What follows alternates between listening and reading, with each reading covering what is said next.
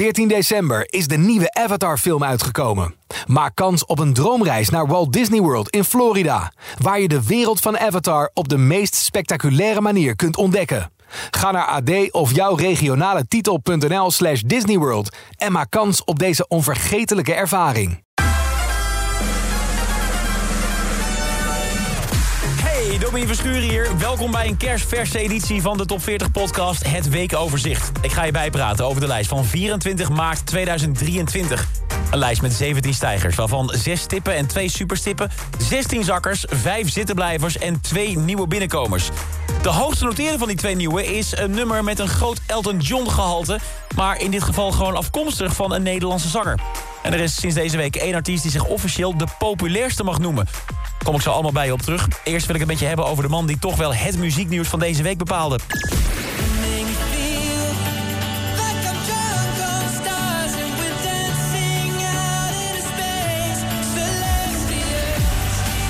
Sheeran, sowieso een van de grootste en misschien zelfs wel de grootste artiest van dit moment op onze planeet.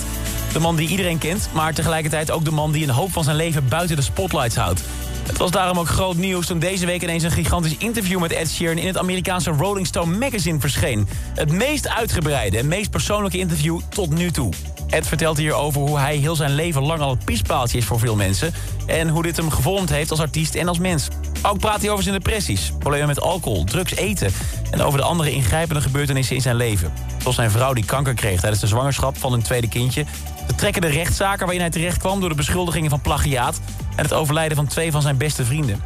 Het is niet dat Ed Sheeran al die tijd heeft gedaan alsof alles in zijn leven perfect is... en hij op een mooie regenboog leeft. Maar zo open praten over deze donkere wolken, over de Ed buiten het podium... dat heeft hij nog nooit eerder zo gedaan. En niet te vergeten, natuurlijk had hij het in het interview ook over muziek. En dan ook echt heel veel muziek. Zijn zesde studioalbum moet nog uitkomen... maar het blijkt dat album nummer 7 al helemaal klaar ligt. Net als, daar gaan we. Een heel album plus muziekvideo's met de koning van de reggaeton, J Balvin. Een album voor Shakira verschillende nummers met Britse hip-hop-artiesten. Hij heeft samenwerkingen klaar met songwriter en hitkanon Benny Blanco. Hij heeft een powerballad gemaakt met Justin Bieber. En meerdere drum and bass en dance tracks met David Guetta. En dat zijn dus nog maar een paar voorbeelden. Zowel deze kanten van zijn muzikale genialiteit... als de heftige periode uit het leven van de man achter deze muziek. We gaan er allemaal meer over zien en horen in zijn documentaire op Disney+. Want ook dat maakte hij deze week bekend.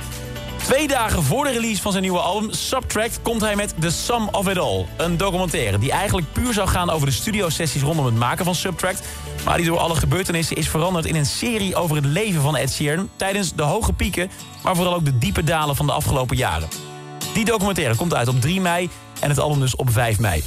Maar Eyes Closed, het eerste muzikale voorproefje, dat is deze week al uitgekomen. Die staat nu nog in de tipperade, maar het is ook zelf terug te vinden in de top 40. Met Celestial op nummer 20. En van het persoonlijke verhaal van Ed Sheeran naar dat van Duncan Lawrence.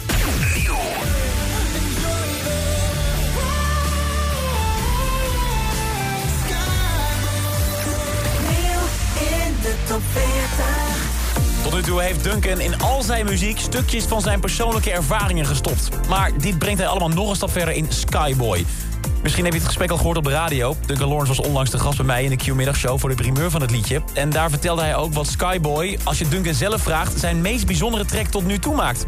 Ja, voor mij is het een van mijn favoriete liedjes ooit.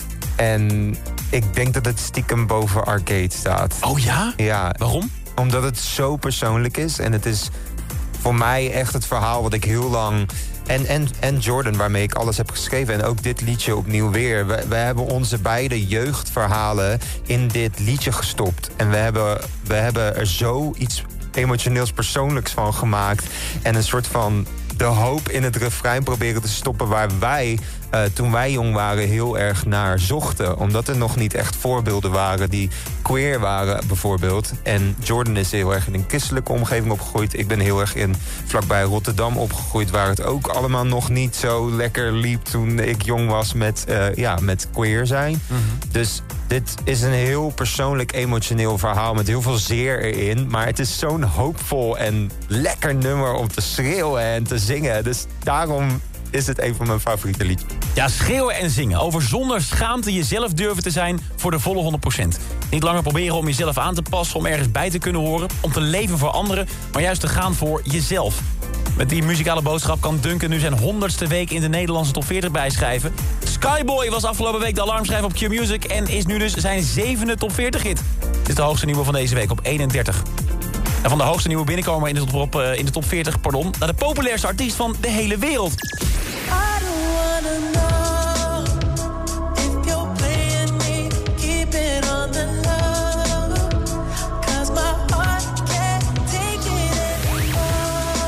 Het is geen nieuws dat zaterdag en zondag voor veel mensen de favoriete dagen van de week zijn. Maar niet alleen het weekend is favoriet, ook The Weekend. Deze week verklaarde Guinness World Records, de organisatie die alle wereldrecords bijhoudt... dat The Weeknd officieel de enige echte populairste artiest is op deze aardbol. En nee, dat is geen persoonlijke smaak van de juryleden daar. Ze hebben er een hele statistische analyse op losgelaten. Ze hebben onder andere gekeken naar de Spotify-cijfers van de grootste artiesten... en alleen daar al steekt The Weeknd er met kop en schouders bovenuit. Hij is de eerste artiest die meer dan 100 miljoen maandelijkse luisteraars wist aan te tikken. En inmiddels staat die teller zelfs al op dik 111 miljoen luisteraars per maand. Iets dat nog niemand anders is gelukt. En even voor je beeldvorming. Miley Cyrus is de eerste die na hem komt met 82 miljoen maandelijkse luisteraars. Dat is dus een gat van 30 miljoen mensen. Die bizarre voorsprong op de rest heeft er nu dus mede voor gezorgd... dat de organisatie achter de Guinness World Records zijn naam in de boeken vereeuwigt. Volgens de statistieken van de Nederlandse top 40 mag hij zich nog niet de populairste noemen. Sterker nog, daar staat hij op plaats 29. Hij heeft dus nog even te gaan, wil hij ook die titel op zijn naam zetten. Maar is het hem dan misschien wel gelukt om in de top 40 van deze week... de populariteitswedstrijd van Miley Cyrus te winnen? Weet hij met Creep In, waarmee hij de afgelopen week op nummer 2 stond in de lijst... nu één plaats door te stijgen? Of staat Flowers nog altijd bovenaan? Antwoord krijg je nu, want ik heb hem weer bijgepakt. Dit is de top 10 van deze week. Nummer Slapeloosheid van Suzanne en Freek. Ik krijg slapeloosheid van de manier waarop je 9. Lost Frequencies en Back to You.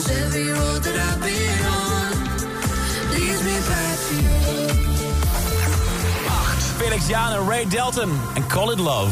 Why don't we call it love?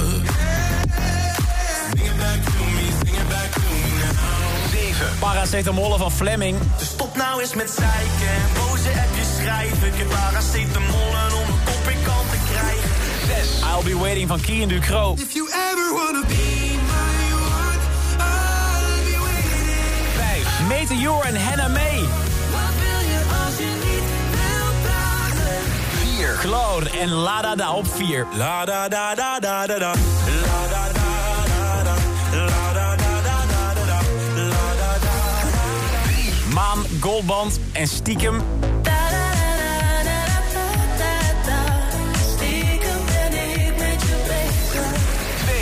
Bezig. 2. Metro Boomin, The Weeknd en 21 Savage en Creepin'. I don't wanna know if you're playing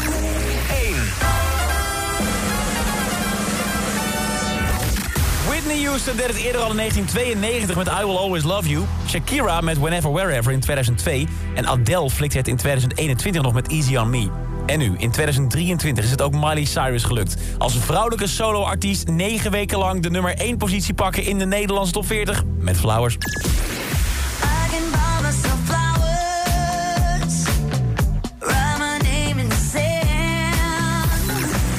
Daarmee zijn er nog maar vier zangeressen... die in de hele geschiedenis van de Nederlandse top 40 langer op nummer 1 hebben gestaan. Recordhouder is Tones and I. Zij wist maar liefst 15 weken in haar uppie de top te bezetten met Dance Monkey. Of Miley in de buurt komt van dat record en er misschien zelfs overheen weet te gaan... of dat met 9 weken direct eruit is, de tijd zal het leren. En volgende week weet je meer in een nieuwe top 40. Iedere werkdag hoor je op Q-Music in de Q-Music middagshow... even na 6 uur hoe de nieuwe lijst vorm krijgt in de top 40 update. En de nieuwe top 40 is er deze vrijdag weer vanaf 2 uur bij Q-Music. Dit is een podcast van Q-Music, AD en de aangesloten regionale dagbladen. Wil je meer podcast luisteren? Ga dan naar ad.nl slash podcast... of naar de site van jouw regionale dagblad slash podcast.